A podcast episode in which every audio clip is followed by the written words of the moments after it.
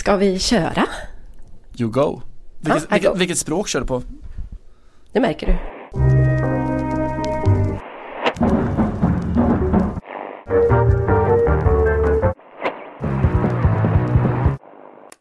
Jag väljer mina vänner för deras vackra utseende, mina bekanta för deras goda karaktärsegenskaper och mina fiender för deras skarpa intelligens. Det här är podden som i Brasilien är känd under namnet Futebol Radical. Eh, det är Oscar Wilde som är vår ledstjärna och eh, den fina vännen med det vackra utseendet, eh, det är du Simon Bank. Hur är läget? Åh, vilken kärleksförklaring. Så där borde alla grå tisdagar börja. Apropå Oscar Wilde så hade jag länge en idé om att ge ut en, en sån här aforismbok med, där man samlade alla Oscar Wildes citat som är dåliga. Eh, alltså, Sen, sen så kom Horace Engdahl lite, to- knyckte idén så att säga. alltså själva omfånget av alla idéer som Horace Engdahl har knyckt av mig. Don't get me started. Det är, en egen, det är ett eget avsnitt kan man säga på den. Som det. Läget då? Ja, nej, men jag, börjar du höll jag på att säga. Jag har ju Eh. deklamerat poem här. Ja just det. Så, så du är på topp. Nej men det är väl jättebra. Jag är influgen faktiskt, eller tillbakaflugen från från Malmö, jag var satt och frös på Malmö IP igår och jag ska inte gnälla över en eh, flygresa när man eh, då har bevakat Piteå IF som den här säsongen fågelvägen kommer att ha flugit ungefär 2000 mil då tur och retur Mm. under säsongen. Men eh, de, de skrev ju inte slut på sin, sin otroliga norrländska saga utan Rosengård vann. Och eh, ja, Det var ju synd, får man säga så som neutral eh, åskådare. jag tror man får det och det finns en viss, Ja. eh, Jonas Eidevold, deras Rosengårds tränare, hade en viss förståelse för det också. Han inledde presskonferensen med att säga att att be om ursäkt till alla som eh, då hade velat få den stora goda berättelsen om, om Piteå men inte fick Åh, det. vad fint. Mm, Ja, lite ja. så faktiskt. Sportsligt. Ja, men det var ju en, en seriefinal, en guldmatch som väldigt mycket liksom speglade var, var svensk damfotboll befinner sig just nu. De hade ju en tuff föregående vecka med Champions League-förluster och sådär. Rosengård förlorade mot Slavia Prag bland annat. Eh, som liksom visade på platsen i näringskedjan lite grann att Piteå är med där uppe och, och slåss är väl också för att de traditionellt stora klubbarna har inte råd att ha som de hade för några år sedan alla världens bästa spelare faktiskt spelar i Allsvenskan. Eh, jag kollade på, på vad Rosengård tappat bara på ja, lite drygt ett år eller ett och ett halvt, två år eh, och det är ju en hel, en hel elva liksom till Mm. ja, de går till, till Paris, de går till Chelsea, de går till eh, Turbine Potsdam, eh, Wolfsburg och Barcelona och sådär. Så det är nya tider. Det är verkligen det. Jag undrar om vi kommer 10-15 år framåt sitta och tänka att oj, vi hade världens bästa spelare i Sverige under ganska många år. Eh, och vi gjorde inte något, riktigt någonting av det egentligen. Alltså helt garanterat kommer det vara så att, eh, att tanken då på att vi faktiskt hade liksom Marta i, i Sverige kommer ju vara helt befängd. Det kommer ju vara som att Mm. minst när Messi spelade Allsvenskan. Nej, för det gjorde han ju aldrig, men Marta var ju faktiskt här. Ja, exakt. Var skulle Men han du- spelat i Allsvenskan förresten Messi om han, om, om han hade? Va, eh, han hade väl i Elfsborg antar jag, Ja, det känns rimligt. spontant. Mm. Eh, då stänger vi den diskussionen, för vi var helt överens. Ja, men alltså du- cool är man i, i, Barcelona och eh, Gulligan i Borås. Så det, ja, Ja, titta. Du, Cooliganerna. du vet du vad? Eh, Mm. vi, jag ska faktiskt knyta an lite till förra avsnittets eh, smeknamnsdebatt.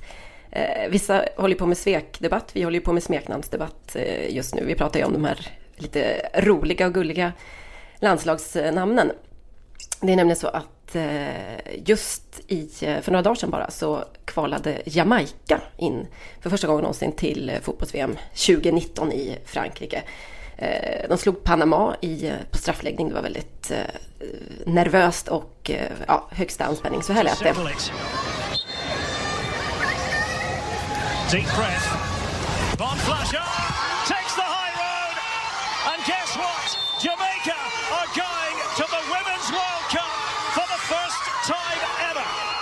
Förutom då att eh, Usain Bolt har börjat ägna sig åt fotboll så har ju det här gänget såklart tagit Jamaica med storm. Vet vad de kallas, Simon? Eh, jag vill ju säga ja, men nej, jag har ingen aning. De kallas Reggae Girls. Det är klart de gör. Reggae Boys och, Reggae Girls. Jag vill också säga att det är ett Z på slutet, så att det är någon form av så här, total fjortis, fjortisifiering av eh, den liksom absolut eh, största nationalsymbolen eller kulturyttringen i Jamaica, Reggae Girls. Ah, Eh, Riot ju- Girls. Ja, men det är typ lite så.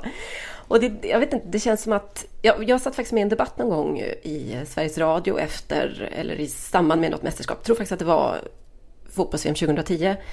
När det var några eh, svenska eh, afrika, alltså, afrikaner i Sverige som hade tagit illa upp för att det, det exotiserades så mycket i, i rapporteringen tyckte de om, om afrikanska lag och så vidare. Och det där är, är lite dubbelt. Jag kan verkligen förstå den, den eh, känslan. Liksom. Men det är också så att just när det kommer till fotboll, just när det kommer till smeknamn, till eh, målgester, kanske de här danserna och sådär, så är det ju nästan alla länder som accentuerar sin fördomar om landet på något sätt. Alltså islänningarna med sin liksom vikingavulkan och eh, många afrikanska eh, lag som ja, men just eh, anspel, dansar och anspelar på eh, olika typer av, eh, inte vet jag, regndanser och så vidare. Ja, om du fick en euro för varje gång som, eh, som fransk eller italiensk eller spansk medlare hade skrivit om svenska vikingar så hade du varit ännu rikare ju. Ja, exakt, precis. Eh, det känns som att det är liksom en... Det behöver inte nödvändigtvis vara exotism, eller jo det är det ju, men det kanske inte alltid är... Eh, det kanske, man kanske inte alltid behöver göra analysen så mycket djupare än så, för att det är väldigt många som spelar med på något sätt i det här. Eh, och eh, att man på något sätt nästan alltid plockar fram de här eh, vulgär nationalistiska symbolerna helt enkelt, eh, när man, just i, i fotbollssammanhang. Tror du att Jamai- Girls. Ja, Reggae Girls. Tror att jamaicansk media när de skrev om sina Reggae Girls att de gjorde en poäng av att de nu tar sig från då från Panama till Panam? Det är att ställa ganska höga krav eh, på dem. Jag vet faktiskt eh, rätt många som har bott säkert 20 år i Paris som inte känner till att Panam är eh, slang just för Paris. Uselt. Nu vet ni det. Uselt är det.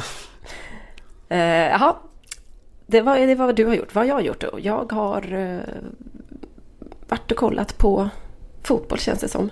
Just det. Eh, ja, jag såg ju våra svenskar i Amiens.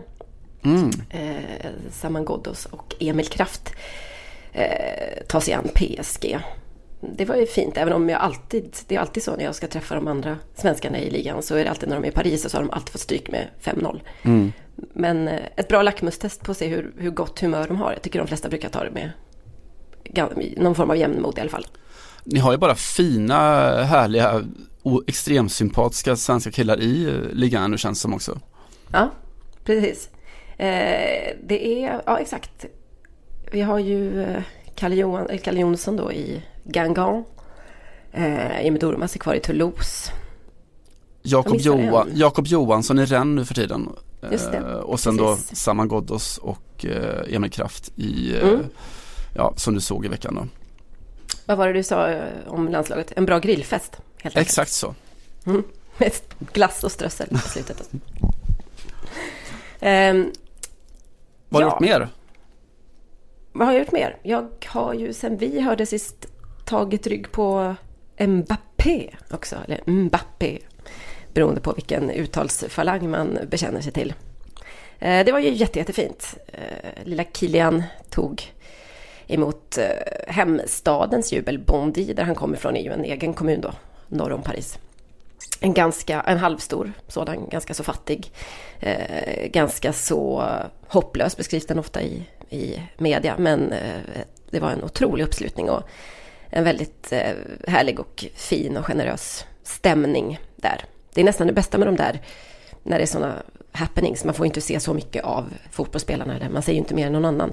Men eh, bara att prata med folk och se hur, hur mycket det här kan liksom lyfta upp en lite halv halvtrasig förort med dåligt rykte. Det, ja, det är lite fint. Ja det är lite rörd fint. faktiskt. Det är fint med just eh, Kylian Mbappé också att han, eh, han är ju älskad precis överallt. Jag vet att France Fotboll hade i numret nu som, som väl kom i, idag då tisdag eh, när vi spelar in det här. Där de har varit på, nere i Marseille på besök då inför det är ju eh, PSG mot Marseille i helgen här. Eh, och för att kolla liksom, är det fortfarande, finns det fortfarande en, en, en eh, hatrivalitet eller har har OMs supportrar helt enkelt släppt Paris nu upp i deras eh, alternativa Galax. Eh, och många hävdar ju det såklart då man i någon form av man skyddar sig själv genom att påstå att Paris tävlar vi inte med längre. Det är ingen fransk klubb så att vi, vi slåss för att bli, bli, bli bäst i Frankrike istället. Men mm. det, det, som de då noterade när de gick eh, eh, ner i centrala Marseille eh, var ju att visst som vanligt jättemycket OM-tröjor såklart men också att eh, de fick nu konkurrens av franska tröjor och alla franska tröjor med Mbappé på, på mm. ryggen. Mm. Ja, nej, men det är verkligen, det var en, faktiskt en undersökning nu i veckan om vem som är av hela franska folket då mest älskad, mest omtyckt i, i PSG. Och eh, många trodde kanske att Neymar skulle vinna det bara för att just de som inte håller på PSG i Frankrike, som ju ändå är den stora delen av fotbollspubliken fortfarande, att de skulle kanske välja Neymar. Men Mbappé vann ju den omröstningen jättestort också så att eh, han går på vatten lite grann just nu. Jag, återigen, vi sa det i somras och jag säger det igen, jag hoppas bara att det här håller i sig så länge som möjligt. Att det inte kommer... Eh, alltså, han måste ju växa i den här kostymen och det är klart att han inte kommer vara världens eh, mest ödmjuka 19-åring hela livet. Eh, framförallt kommer han inte vara 19 år så länge till, men... men det hade ändå varit... Äh, jag har lite högre förhoppningar faktiskt på Mbappé än många andra. Han verkar, han var, verkar vara otroligt välmöblerad i i skallen. Och då menar jag inte bara intelligens, för det har han, men också har liksom en bra eh, omgivning på något sätt. Kloka föräldrar och hyfsat bra management och sånt där. Så att, hoppas han klarar av att hålla huvudet kallt och fortsätta vara denna mycket älskvärda profil som ju fotbollen behöver väldigt mycket nu. Goda franska värderingar. Exakt. Eh, du var inne på att eh, du trodde att Neymar kanske skulle varit mest älskad men han har ju tappat ett par röster. Eh, man kan ju konstatera att det varit en tuff vecka för de som i Spanien kallas för El Crax, alltså de allra största stjärnorna. inte minst då Neymar som ju blivit av med sin flickvän eh, Bruna Marquezin har, eh, ja, de är inte tillsammans längre helt enkelt. Eh, och det var ju gulligt att de var väldigt snabba, eller hon, brorna var väldigt snabb ut med att tala om att det inte berodde på deras eh, politiska skiljelinjer som vi har pratat Nej. om här förut. Vilket ju brasiliansk media ändå lite grann tror att det gör. Ja, det är klart att det gör. Alltså, om ja. man pratar om värderingsskillnader, att den ene sluter upp bakom en, en sexistisk halvfascist och den andra tycker att eh, sexism och halvfascism är någonting dåligt så kanske det är lite tufft att hänga ihop. Det var, hon var också tydlig med att säga att det är hans beslut. Just det. Eh, det är slut mellan oss och det är hans beslut. Och det är också typ så här, det tog slut igår eller i förrgår. Alltså det verkar inte, eh, det har inte varit så långt mellan uppbrott och kommunikation här, vilket är pyttelite gulligt också kan man tycka. Hon bara säger nej, nej, det är slut, det handlar inte om politik och det är han som har dumpat mig. Eh, men så är det. och det var ändå hon som fick kommunicera ut det. ja, precis. Oh well. Ja, gud. Eh, vad har vi mer? Ja, men Lionel Messi såklart som ju skadade sig borta i tre veckor.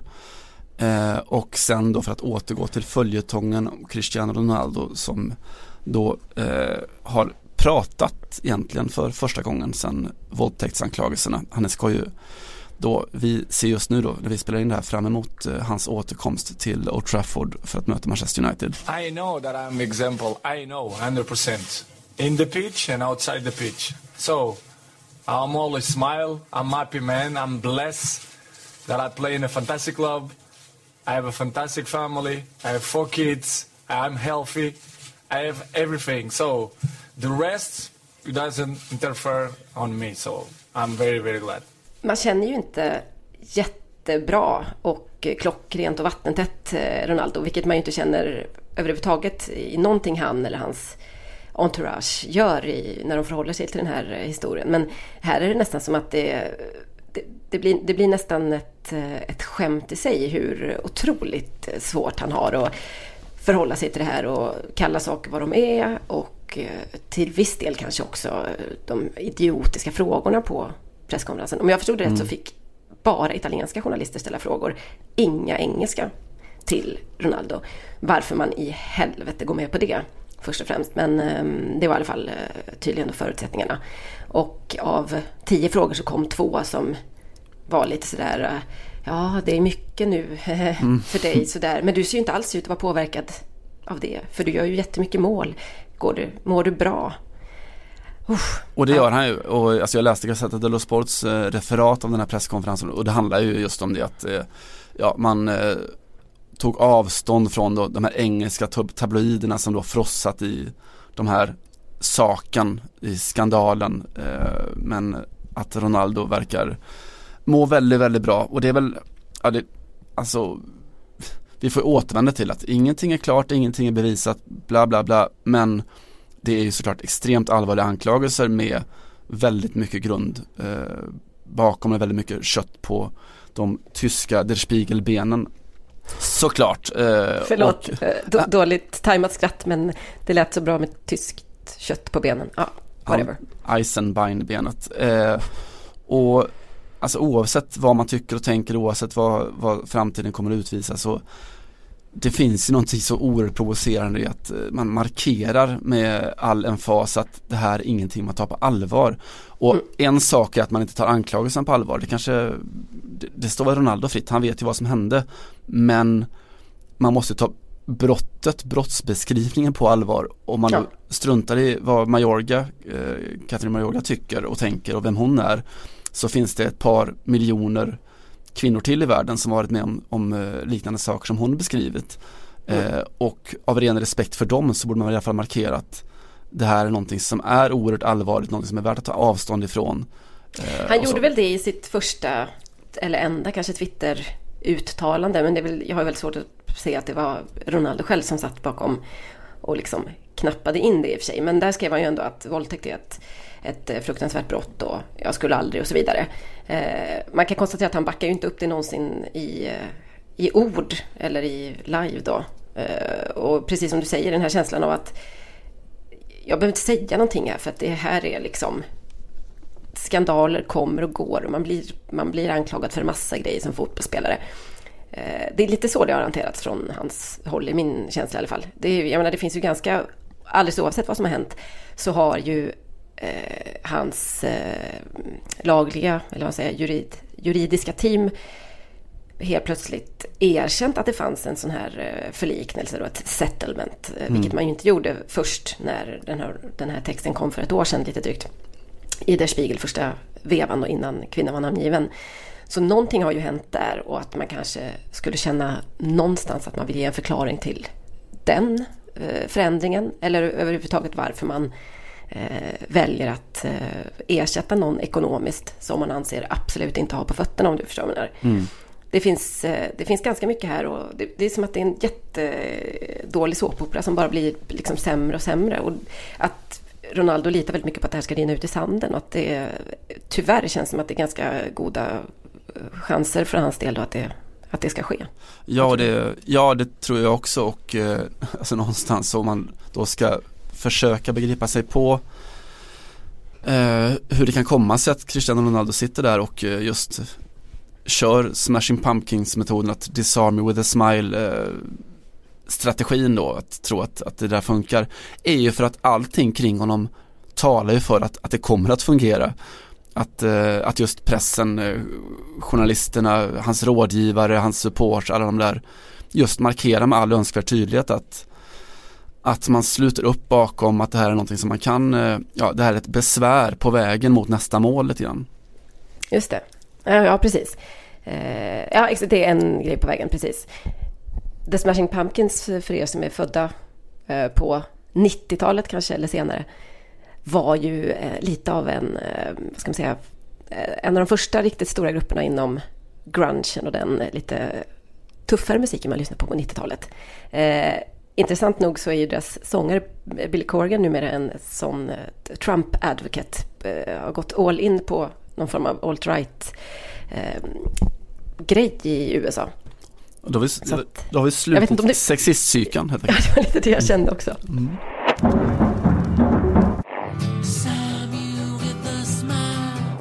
Om Neymar har det lite jobbigt, eh, Messi har det jobbigt, Ronaldo borde ha det helt jobbigt, så är det någon som eftersom fotbollens och fotbollsjournalistikens logik eh, är lite osund ibland så är det kanske de som har det ännu jobbigare eh, som vi ska prata om nu, nämligen eh, Julen Lopetegi. Eh, det går nästan inte att ha det jobbigare än vad han har det va?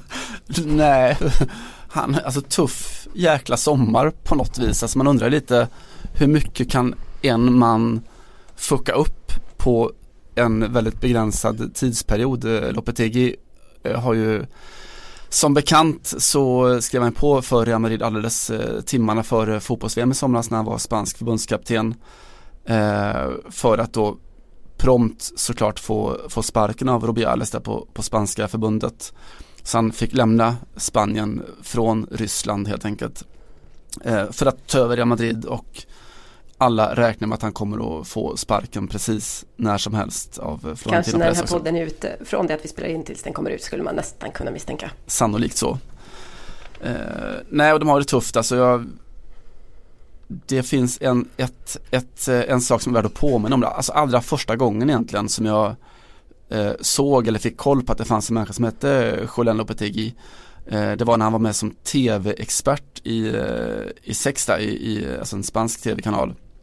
Eh, han var då, det var alltså VM 2006 eh, och han skulle då stå och förklara taktiska detaljer under matcherna och sådär.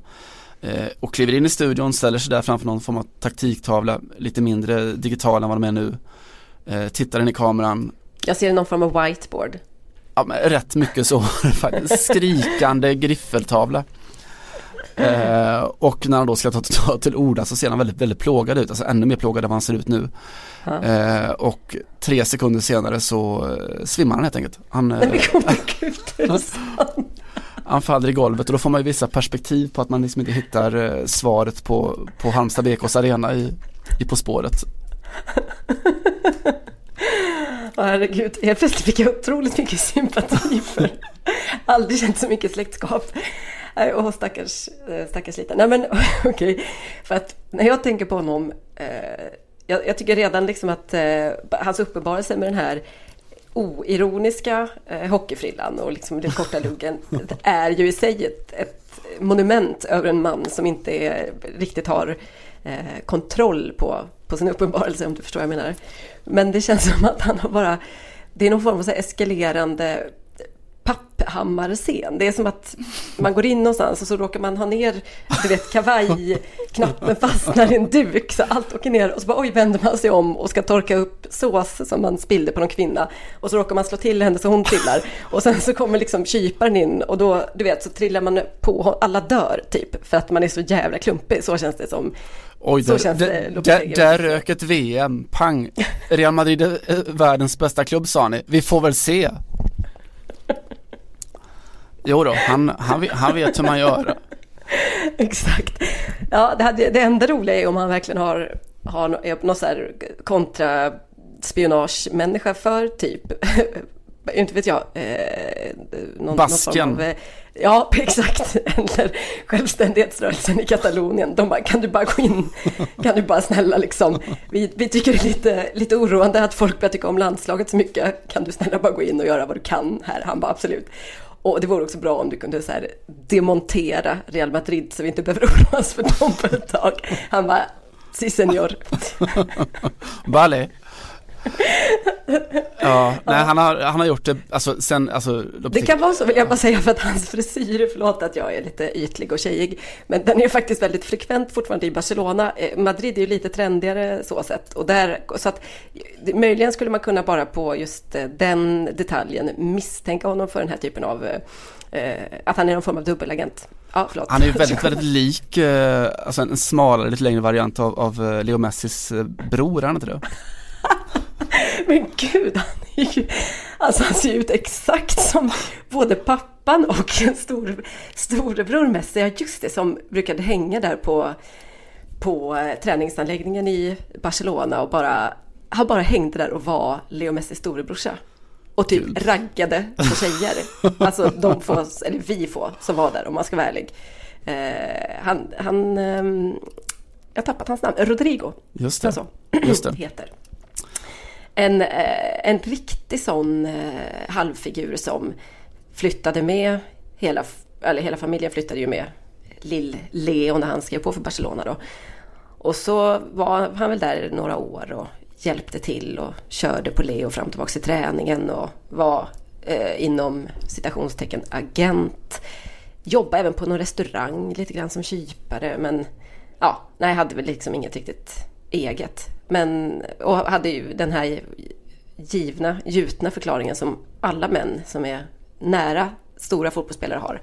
Nämligen att de hade nog också Mm. blivit ganska bra om det inte var för det där jävla knät som gick sönder 1997.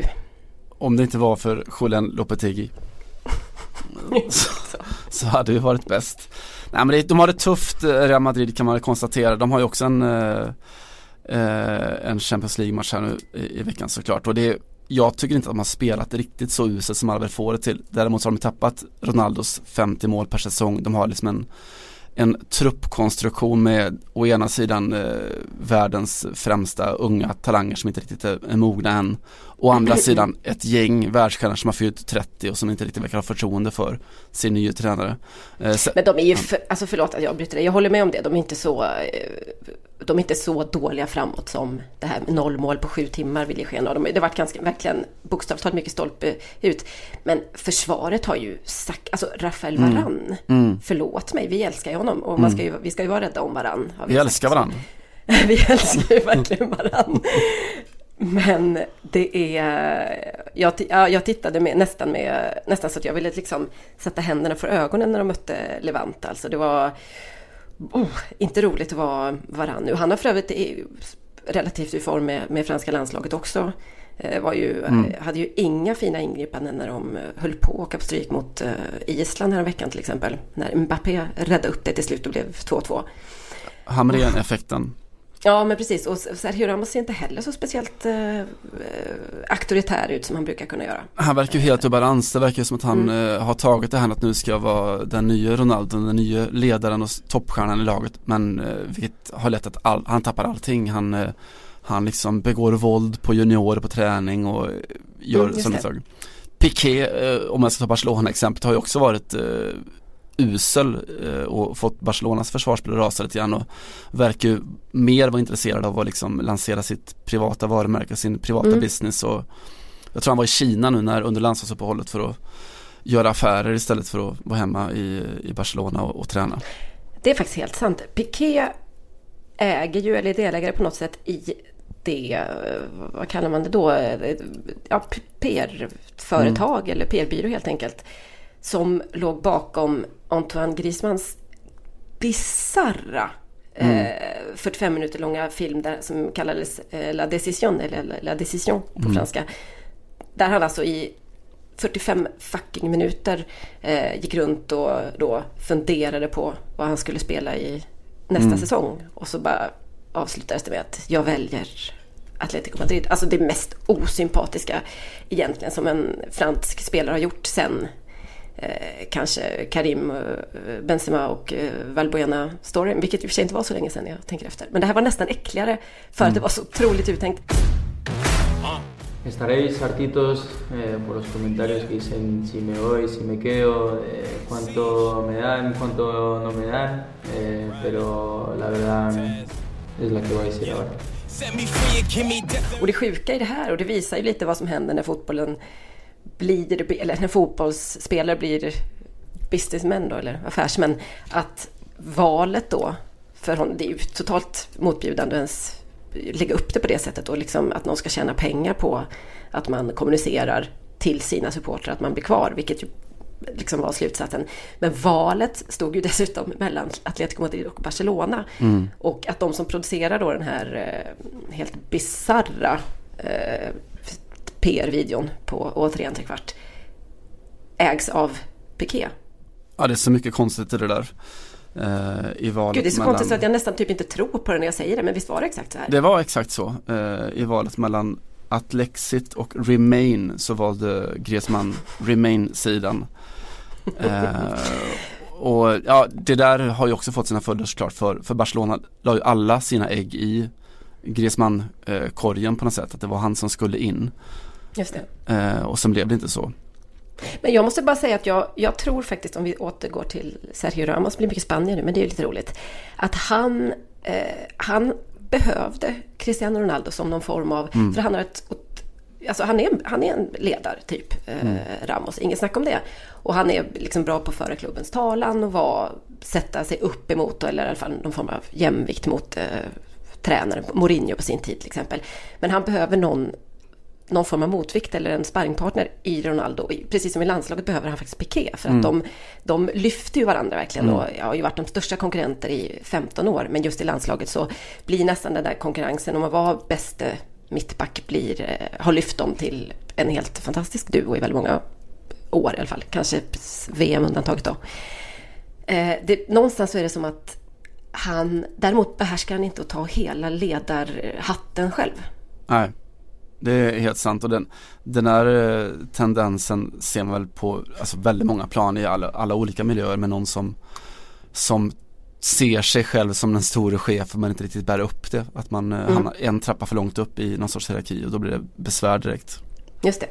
Kanske också det där att eh, om man är van att vara den som hela tiden mopsar sig eller bröstar upp sig eller ja, och, och står ganska nära supportrarna till exempel som ju han mm. klassiskt har gjort också, Ramos så det, här, det, är lite som att vara Miljöpartiet och helt plötsligt hamna i regeringsställning helt enkelt. Man ska börja ja. ta ansvar då och vara, eh, kompromissa och eh, vara sensibel och så vidare. Inte alltid det funkar för de här unga idealisterna. Jag tycker om att du från Sergio Ramos till Miljöpartiet var steget jättekort helt plötsligt. Det var otroligt kort. Helt jag, jag faktiskt kände helt ärligt att det var bland de kortaste steg jag har tagit, jag sett på en fotbollsplan. Men du, eh, vem tar över? Det är ju, det är ju eh, 50 miljarders frågan i eh, Real Madrid. Jag tycker att det roligaste vore Fernando Hierro. Jag tror inte att det är så troligt, men jag hade ju faktiskt av... För det enda sättet eh, för Florentino Perez att någonsin visa att han har lite humor, mm. vilket ju inte ska underskattas. Mm. Det är ju vi har ett litet underskott på humor ändå i, mm. i, fotbolls, eh, i den internationella fotbollen. Det hade jag tyckt var superroligt. Inte säker på att det hade blivit så dåligt heller om han hade fått eh, lite mer tid på sig. Komma in två dagar innan Spanien ska göra VM-debut kanske var i värsta laget men det är en ganska kompetent, eh, tror jag, och eh, vad ska man säga, smart ja. ledare. Jag tror inte alls han är aktuell alltså, men ändå. Ja men det, det, funkar lite så med, med komik och med komedi, alltså att, har du, att det, det måste öka exponentiellt. Har du gjort Dum och Dummare 1 så måste Dum och Dummare 2 vara ännu knasigare på något sätt. Och alltså det vore ju, det skulle ju fungera till eh, Florentino Perez ära om man liksom körde den hållningen sådär att ni trodde att att Papphammar med, med, med Rodrigo Messi-frisyren var kul. Jag ger er Fernando Gero. så här, uppföljaren där man har liksom vridit på alla reglage till max. Man vet att det här är jättedålig kvalitet, men publiken kräver ändå någonstans, eller publiken måste få liksom se hela spektaklet på något sätt. Baksmällan två. Exakt så. ja, gode gud. Nej, men äh, återigen, Real Madrid, eh, men de var i och för sig rätt förskräckliga mot eh, Levante. Så första 20 minuterna är bland det värsta jag har sett där. Sen så okej okay, att de hade en del bra chanser i andra halvlek, men det har man ju såklart om man är Real Madrid mot Levante när de leder med 2-0. Ja, det ligger i farans riktning på något sätt. Ja, lite så.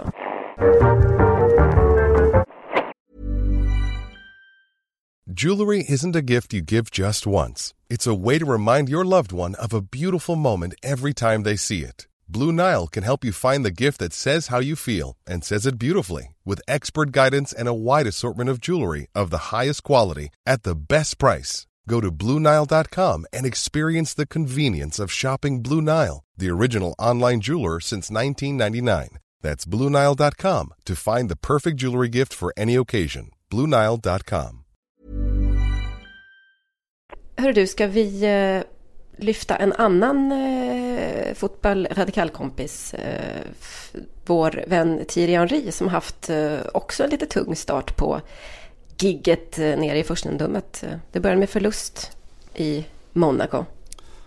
Ja. Kan vi dra några växlar av det? Nej. Ja, men det är alltså någonstans att de möter Strasbourg eh, borta, vilket ju är Ja, det är You're not in Kansas anymore. Det är så långt från, från Monaco och London och New York du överhuvudtaget kan komma. Eh, var uppe mm. i Alsace-Lorraine-regionen. Eh, det är en, en hårdare värld där. Eh, det är faktiskt det. Mm, en, en usel start för honom. Men eh, fotbollsträneriet är ju inte det enda som han har sysslat med det sista. Ja, just det. Han är, har ju faktiskt varit med i en, eller är en bärande del i dokumentären som heter Take the ball, pass the ball, är det så? Så heter han. Mm. Eh, vår vän, min framförallt, Graham Hunter skrev ju en bok om eh, Barcelona för några år sedan. The making of the best team in the world, tror jag var underrubriken. Mm. Och eh, här kommer filmatiseringen och det är inte så ofta man får det på fotbollsböcker. Så att eh, jag säger en eloge bara till att ha tänkt den tanken. Eh, så här säger Thierry Henry om Barcelona som eh, fotbollsinstitution. I don't care where you're from. If you tell me that you love football and you don't love Barcelona, you have a problem. Ja, och eh, det bär mig alltid emot att hålla med Thierry Henry av eh, historisk eh, och klubbadressskäl och så, men jag gör ju, jag gör ju verkligen det eh, om man nu då förkortar Barcelona till att vara just Pep Guardiola-erans eh, Barcelona. För det, det, blev ju en, en skärningspunkt väldigt mycket i eh, någon form av modern fotbollsdebatt. Skulle man eh, bara omfamna och älska det här världens bästa fotbollslag med alla deras eh, små knattar som spelar en helt ny sorts fotboll. Eller gick det att hata dem och väldigt många kommer fram till att ja, det går alldeles utmärkt att hata Barca. Alltså det är ett otroligt eh, hatat lag, eller var i alla fall. Jag vet ju det som, som bodde i staden och skrev om dem vecka ut och vecka in eh, efter ja, en bit in på 10-talet var det ju. Mm. Att den mejlhögen man kunde få efter att ha skrivit det man ofta fick göra om Barca något väldigt positivt. För att de vann ju, de räckte att de tittade på bollen de där åren så vann de ju. Så att, eh, och det, det, finns ett extremt hat mot, som inte bara handlar om att de var överlägsna. För att det, det kan man förstå att eh, klubbar som är stora eh, i många år och de här riktiga institutionerna de väcker ganska mycket antipati hos folk och ofta med viss, ganska goda skäl kan man säga när det kommer till pengar och marknadsföring och eh, dominans och alla de där sakerna. Man känner att det är orättvist. Men att folk mycket hatar, eller hatade i alla fall, Barcelona för att man inte gillar dess fotboll. Ja, och det, alltså jag tror att det handlade väldigt lite om ja, de bitarna som, som, du är inne på. Alltså Real Madrid har vunnit Champions League tre gånger i rad men det hatet är av en helt annan karaktär om det nu mm. ens eh, finns och det gör det såklart. Eh, och jag, min egen analys av det där som jag inte behövde gå längre än till mig själv för att, att hitta någonstans. Det var att Alltså man måste först då komma ihåg var uppstod hela den här generationen av, av Barcelona, i vilket, vilken historisk kontext kom de? Dels då fotbollstekniskt så, alltså någon gång 2004, 2005, 2006 där så så väntade man sig en fotboll som skulle vara en NBA basketvariant, den skulle vara fysisk, den skulle vara en stor kille längst fram som nickade in målen och sådär. Det var, alla var överens om att det var så framtiden såg ut. Det var Didier Drogbas eh, fotbollsframtid. Just det, det var hans arv väldigt mycket också ju. Det var hans mm. arv väldigt mycket, han var ju bäst på de där bitarna och, och då kommer Barcelona bestämmer sig för att nej men vi satsar på killar som är 1,45 långa. Vi satsar på bollinnehav, vi satsar på tiki-taka. Eh, och för mig så jag hade väl lite småsvårt för det, det självgoda som, som Barcelona stod för på jättemånga sätt men sen svängde jag och det där hörde väldigt mycket ihop med en allmän politisk eh, utveckling i världen att man befann sig i en värld där eh, idealismen och ideologierna låg, låg liksom på, på dödsbädden och eh, det var liksom någon form av nyliberal hållning och gör det som, som du vill göra och sådär. Och sen så kom några som var dunderideologisk i sitt, förhållningssätt som genuint trodde på att det här är rätt väg att gå. Eh, vinna eller förlora eller vad som helst men det här är vår fotboll, vår identitet, vår styrka. Eh, och jag tyckte att det var fullkomligt fantastiskt att det var så. Det är också mycket tror jag handlar om eh, såklart att de har varit så pass överlägsna men också den här känslan av som du säger att de eh, har varit lite självgoda och dessutom så är det ju en politiskt korrekt klubb. Har mm. folk någon, någon jävligt vag idé om som inte kan någonting om eh, Spaniens historia och fascismen. Och för övrigt eh, har ju Barcelona i veckan, eller förra veckan, tagit avstånd. Vi pratade om det i tidigare avsnitt, eh, de här eh, brasilianska spelarna som har tagit Bolsonaros sida i eh, presidentvalet då i, i Spanien, den här eh, neofascisten. Eh, Barcelona är den där klubb som har tagit offentligt avstånd och eh, avslutat samarbetet med eh, Ronaldinho bland annat. Mm. De säger att vi kan inte ha en ambassadör som stöttar de här värdena. PSG, där Ronaldinho också spelat, har så att säga inte gjort det. Mm. Milan, LOL, knappast och så vidare. Det var en, en passus bara, men folk blandar ihop, tror jag, det man tror, det vi väldigt slarvigt kallar politisk korrekthet med någonting som är absolut bärande i eh, Barsas historia. Jag menar, jag som sagt, jag har bott i landet, jag, eller i stan, jag är där ganska ofta. Jag har också svårt för ganska många delar av hela den här självständighetsrörelsen. Eh, jag kan dessutom tycka eh, jag blev aldrig riktigt smittad helt enkelt av den här Barca Bug på något sätt. Jag, det, det visst är det fantastiskt att sitta och se dem vinna med 6-0 på Camp Nou, men det är inte den typen av fotboll som får mig att, som griper tag mig faktiskt. Men jag har ändå svårt och förstå att man hatar det med tanke på att eh, de står för så mycket andra grejer som, är, som borde vara så, som är så eftersträvansvärda i, i, och som så många klubbar sliter med. Det här att ha en lokal förankring, det här att ha ett, en värdegrund då, även om man kan säga att de har dagtingat eller hycklat lite med det de senaste åren såklart med tröjreklam och ja, alla känner ju till det. Det finns ändå någonting liksom, väldigt, väldigt mycket spelare i, historiskt från de egna leden och så vidare. Absolut och vi säger det här med all, all medveten, medvetenhet om det som du lyfter där med, liksom med Qatar-samarbeten och, eh, och allt vad det är. Att det finns eh, definitivt ett, ett hyckleri i FC Barcelona. Men eh, alltså det kom en, en, bok för några år sedan av, eh, av en italiensk eh, tv-journalist eh, såklart som heter Michele Dalai som hette eh, Contro il tiki-taka como Imparata a detestare il Barcelona. Alltså mot tiki-takan så lärde jag mig hata Barcelona. Ja. Eh, där han liksom lyfter fram det endimensionella, präktiga, duktiga, korrekta i, i deras sätt att spela. Eh, och ja, han, eh, han älskade ju, han tog ju ställning för liksom Zlatan Ibrahimovic som någon form av kontrapunkt till, eller mot, eh, vad säger man, en, en, en, kontrast till Pep Guardiola och mm. så. Men, eh, Spännande. ja, han, han sa till och med att, eh, att Barcelona är liksom som som eh, världsfotbollens Ikea, eh, skärmlös, själlös, det är som ett gitarrsol av Yngwie Malmsten för att ta en, en svensk referens till som han lyfte liksom. De, de är svenska helt enkelt. Eh, ja, ja, ja. Så det räcker att liksom lyfta det, det, det självhat som eh, skördar inom Sverige också, det här typiskt svenskt eller, eller så. Eh, Men det är ju intressant för att Italien har ju en del, jag vet inte ens om kritik är rätt ord, men det, eller, eller jag ska börja den här änden egentligen. Inför eh, Sveriges playoff mot Italien i, eh, inför eh, alltså VM-kvalet då i november. Ja, oh, gud, det är ett år sedan snart som vi satt där och grinade på, på San Siro, Simon. Nästan. Det, nästan. Mm, nästan. Eh, nej, men eh, veckan tror jag innan eh, det första mötet i Sverige så var jag på plats i Coverciano utanför Florens där Italien har sin stora landslagsanläggning. Och då höll eh, Chiellini, Giorgio Chiellini, mm. presskonferens. Och fick en fråga eh, som handlade lite mer om, eh, ja den handlade nog lite grann om eh, vilken typ av fotboll Italien skulle spela hit och dit.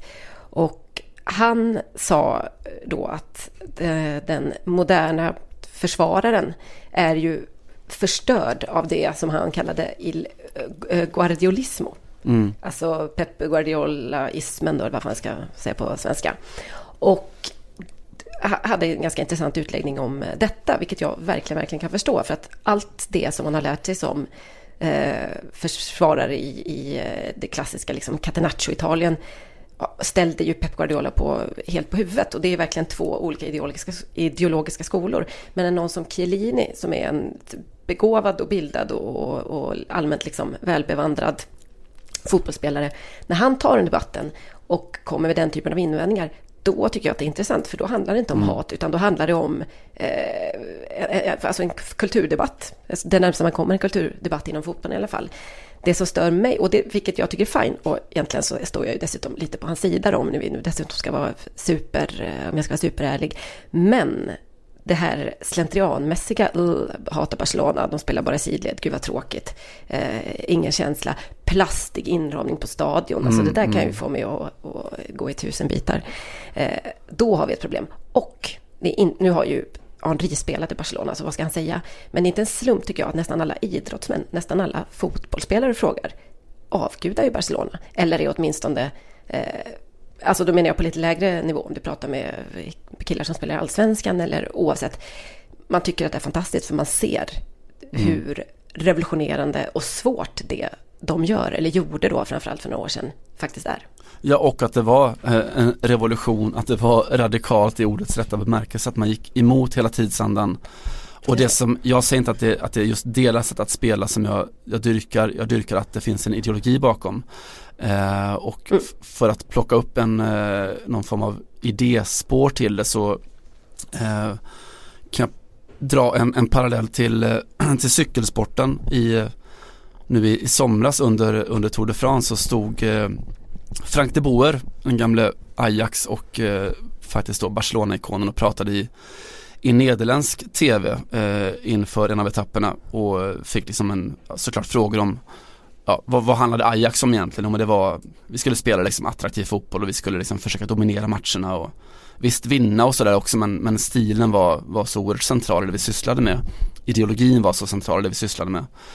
Eh, och eh, De Boer älskar cykelsporten eh, och Nederländerna då, de eh, representerades i, i touren av, av ett team som heter Lotto, Lotto NL.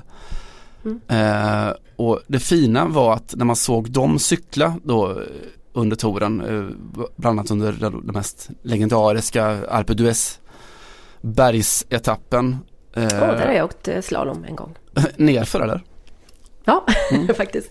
De cyklar mest uppför. Snow, snowboard kanske. Ja, Mm. det var... Ja, jag måste ju också komma med lite inspel. Sorry.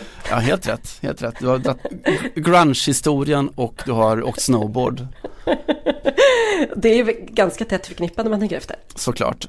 Ja. Men under just den etappen så då drog en av eh, deras cyklister, Steven Kruisvik, iväg i en liksom eh, sådär eh, otrolig liksom attack. En ganska poänglös etapp men en, en övertygad, eller attack, en övertygad attack, attack som gjorde loppet så oerhört mycket mer intressant och Han levande. drog alltså ifrån övriga i klungan. Ja? I ett väldigt tidigt skede eh, och det var ju en sån här jättetuff satsning och de drog paralleller till, eh, eller kallade det för eh, totalcykel som en då parallell till, en blinkning till totalfotbollen. Och eh, när sportchefen då, teamets sportchef efteråt fick en fråga om varför gjorde ni så här liksom? Det var inte det var inte cyniskt och det kanske inte var jättesmart och varför, varför skickade, stack just den bästa cyklist iväg och så och han svarade att "Nej, men vi, vi har våran filosofi och vi ska behålla den och det spelar liksom inte så stor roll om vi ligger fyra eller sexa och sådär utan vi vill, vi vill utveckla sporten, det är därför som vi gör det. Mm. Vad hade någon idrott varit utan folk som tänker så? Det är ju bara att eh, den hade ju varit död liksom. Gud ja, så eh, vi ska Barca just i, i det fallet i alla fall. Vi ska också eh, prata om eh, veckans eh, fotbollsprofil. Det låter jag nästan dig göra. Ja det är väl rimligt om vi nu har i alla fall droppat att det ska spelas supermatch i Ligue 1 mellan PSG och Marseille eller Marseille och PSG ska man säga kanske. Och att det ska spelas eh, Clasico i, i Spanien i helgen så kan vi också slå fast att det spelades eh, ett Madonna-derby i Milano i helgen. Eh, och vi ska inte prata jättemycket om det. Vi kan ju bara nämna kort att eh, Mauri Cardi, eh, den väldigt speciella matchhjälten och interkaptenen eh, som gjorde 1-0 där i, på stopptid. Eh, är en fascinerande karaktär på många sätt. Han och hans Wanda, hans eh, agent och eh, fru, eh, de har, hur många barn har hon fått på sju år? Det är en quizfråga. Det är sån här, deras förhållande är någon form av så Kardashian-såpa. Den hade blivit jätte, jättebra tror jag om man hade satt en eh, dokusåpa-team hemma hos dem. Gud ja, han, han eh, blev närmast adopterad av henne när hon var tillsammans med eh, Maxi Lopez, den andra argentinske landslagsstjärnan i, i Sampdoria och eh, stal väl helt enkelt eh, Wanda eh, från honom. Nu tycker jag vi måste prata om att kvinnor också har agens eh, i relationer, Simon. Hon kanske också var med på det här valet. Om du säger det så. Jag får väl lita på ditt ord. Eh, Madonna har vi, har vi pratat om och så vidare. Madonna-derbyt. Eh, jo, hon, har alltså, hon hade tre söner med Maxi Lopez eh, då från 2009 och framåt och har fått två döttrar med Icardi, alltså fem stycken barn på sju år. Aha. Men eh, han är inte min profil utan det är, eh, om vi nu ska prata om eh, Inter mot Milan så finns det inget bättre tillfälle än att prata om en damfotbollsspelare med det fullkomligt självlysande namnet Regina Baresi, alltså drottning Baresi. Eh, som man säger. Det är så fint så att man tror att det nästan inte är sant. Nej det är påhittat, eh, och, ja det är påhittat såklart. Eh, men är det det? ja alltså nej hon heter ju så men namnet Ja. är ju är påhittat och det är påhittat av då bland annat eh, får man väl tänka sig pappa Beppe Baresi. Eh, som alltså då ja, Interikon, lagkapten, spelar 400 matcher för Inter och var landslagsman och alltihopa. Hennes farbror är då som ni förstår eh, Franco Baresi, en av Milans största genom tiderna, Milan-kaptenen. Mm. Eh, mamma eh, Elena Tagliabue eh, har åkt eh, utförsåkning för Italien i OS och sådär. Kan, I Alpe d'Huez kanske? Hon åkte snowboard i Alpträsk eh, slutade fyra. Eh, to total snowboard åkte hon. Eh, och Regina eh, valde då, vilket är ganska radikalt för en, en ung italiensk flicka framförallt eh, på 90-talet, att bli fotbollsspelare. Hon spelar inte eh, själv lagkapten då i, i Serie B. De leder serien nu. Eh, och eh, ja, hon spelar kvar trots att hon har fått anbud från USA bland annat. Eh, har, är 27 år gammal, har 27 tatueringar och eh, krönikerar i då klassisk eh, italiensk söndagssport-tv Domenica Sportiva. Eh, hon är, hur man än vrider och vänder på det, en oerhört stor och viktig profil. Mm. Eh, vet du vad, jag vill faktiskt ge ett eh, profiltipp också till profilen och eh, kollegan Vic Blomé. Mm. Eh, för pratar man eh, italiensk fotboll generellt så är hon ett uppslagsverk och alltid intressant att lyssna på. Men ingen i Sverige har heller bättre koll tror jag på eh, Serie A Feminile. Just det, italienska damligan helt enkelt. Hon skriver en del om den på Solo Calcio är det väl. just det.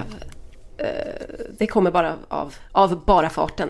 Följ henne och lyssna på henne om ni är intresserade av eh, italiensk damfotboll. För där händer det grejer. Det Ja, gud ja, och det kan man ju konstatera att de, eh, ett par av de sådana främsta svenska rösterna kring den italienska fotbollen och samhället är ju eh, just kvinnor. Malena Johansson som skriver det nu ska också lyftas, eh, förtjänas också att följas i alla sociala medier som finns.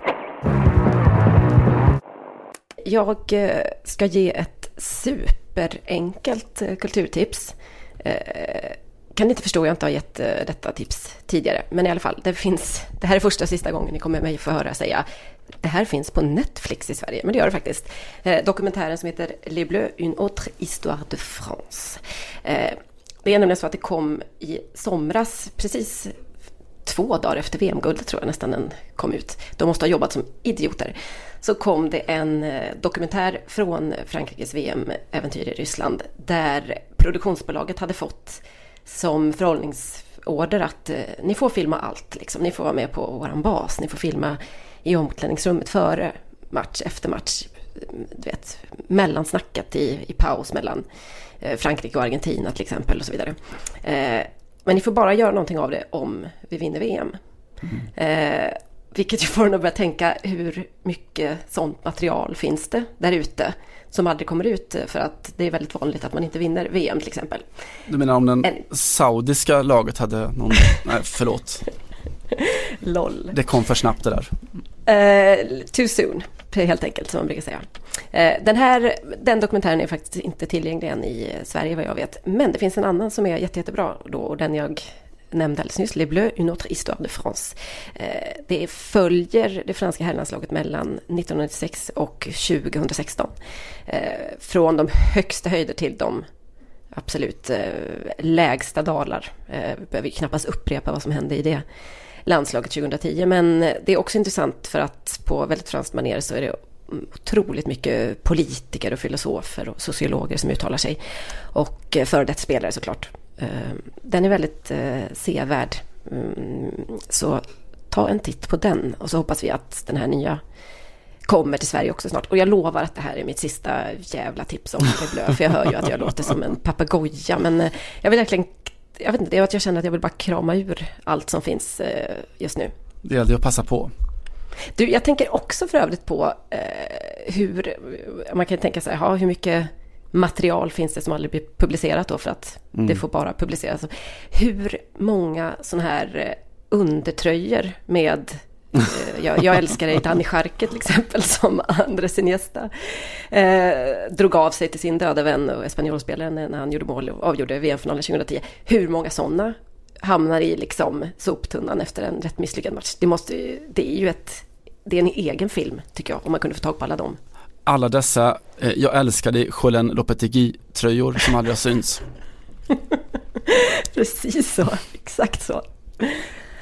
Anyhow, ja, eh, Eh, det var mitt eh, kulturtips. Eh, du får marscha oss, vad säger man? Marschera oss ut till musik, Simon. Marchon, och det är musik som kräver sitt intro så häng med en sväng. Alltså det finns ju bilder som aldrig suddas ut som en, en stor svensk poet skrev en gång. Och nu i veckan så har vi sett sådär helt historiska eh, oerhörda bilder av de här folkvandringarna i Sydamerika. Det är alltså familjer från Honduras och Guatemala som flyr då gängvåldet och fattigdomen och drogvåldet i, i sina respektive länder och så går de, promenerar alltså fysiskt norrut mot ett annat liv förhoppningsvis eh, och lär väl möta en stängd dörr till världens största supermakt eh, hemma hos Donald Trump. I våran del av världen så har vi ett hav emellan istället då i Medelhavet där och Eh, för ett par veckor sedan så sköt marockansk kustbevakning skarpa kulor mot en, en båt med 25 stycken människor som skulle fly till Spanien. Eh, Italien har ju då sen tidigare då, sen, sen Lega eh, fick större inflytande och stängt den här flyktingvägen från Libyen så nu är det ju från, från Marocko som man i väldigt hög utsträckning flyr till Europa. Eh, en av alla de där kulorna träffade mitt i en 20-årig juridikstudent, en ung kvinna som eh, sen dog av de här skadorna. Eh, I, i Marocko så har man alltså en ungdomsarbetslöshet som eh, ligger runt 30 procent. Så var ska en ung marockan egentligen ta vägen någonstans? Det finns inte så mycket alternativ. Eh, för de unga männen så handlar det också om att de ska fly den här obligatoriska militärtjänsten som är väldigt, väldigt tuff. Och man räknar idag med att det finns ungefär en kvarts miljon eh, papperslösa marockanska flyktingar bara i Spanien. Det finns jättemycket barn också. Eh, vi ska prata om det. Både i Spanien och Frankrike. Och vi har ju i Sverige också. Eh, då pratar vi ju 8, 9, 10, 13, 14 år. Gud, ja. Marockanska gatubarn. Och därför ska man ha kanske bakgrunden klar för sig. Och hur som helst, hon hette alltså Hayat Belkacem, den här kvinnan som dog i båten. Och hemma i Marocko så har eh, fotbollssupportrar från massa olika lag demonstrerat för att hylla henne och för att protestera mot regeringen i ett land som blivit ja, nästan omöjligt att leva i längre då. Eh, och ja, ni minns ju säkert att liksom under hela den arabiska våren så var ju just fotbollssupportrarna i Maghreb och även i Egypten eh, väldigt drivande på väldigt många sätt. Och nu vet ju alla de här som var med under revolten att det är väldigt lite som har blivit bättre under de här åren som har gått. Och, eh, inom fotbollen så, så är det ju också katastrofalt. Jag vet att afrikanska BBC gjorde någon sorts granskning av, av fotbollen i Algeriet som de publicerade i veckan och där de avslöjade att nästan hela proffsfotbollen där i Algeriet är styrda av uppgjorda matcher och, och, och sådär. Man räknar med att ungefär en match per omgång eh, är, är fixad och uppgjord helt enkelt. Då. Så så är läget i Algeriet och så är läget i Marocko och om man eh, ska musiksätta allt det här så är det ju ganska enkelt för det har supportrarna redan gjort på alldeles egen hand. Och ja, här hemma i Sverige så sjunger supportrarna om eh, polisbatonger som eh, tystar eller inte kan tysta sångerna. Men i Casablanca så är det så här låter när 10 000 i Rajas kurva sjunger om sin vardag.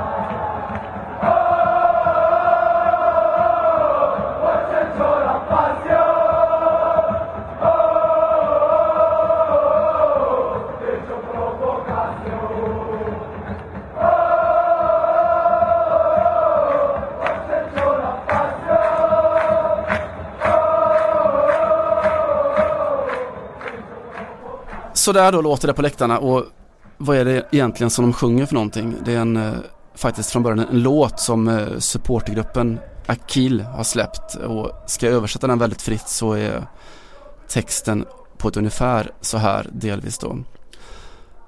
I det här landet lever vi i ett mörkt moln. Allt vi vill ha är social rättvisa. Allah hyllar oss.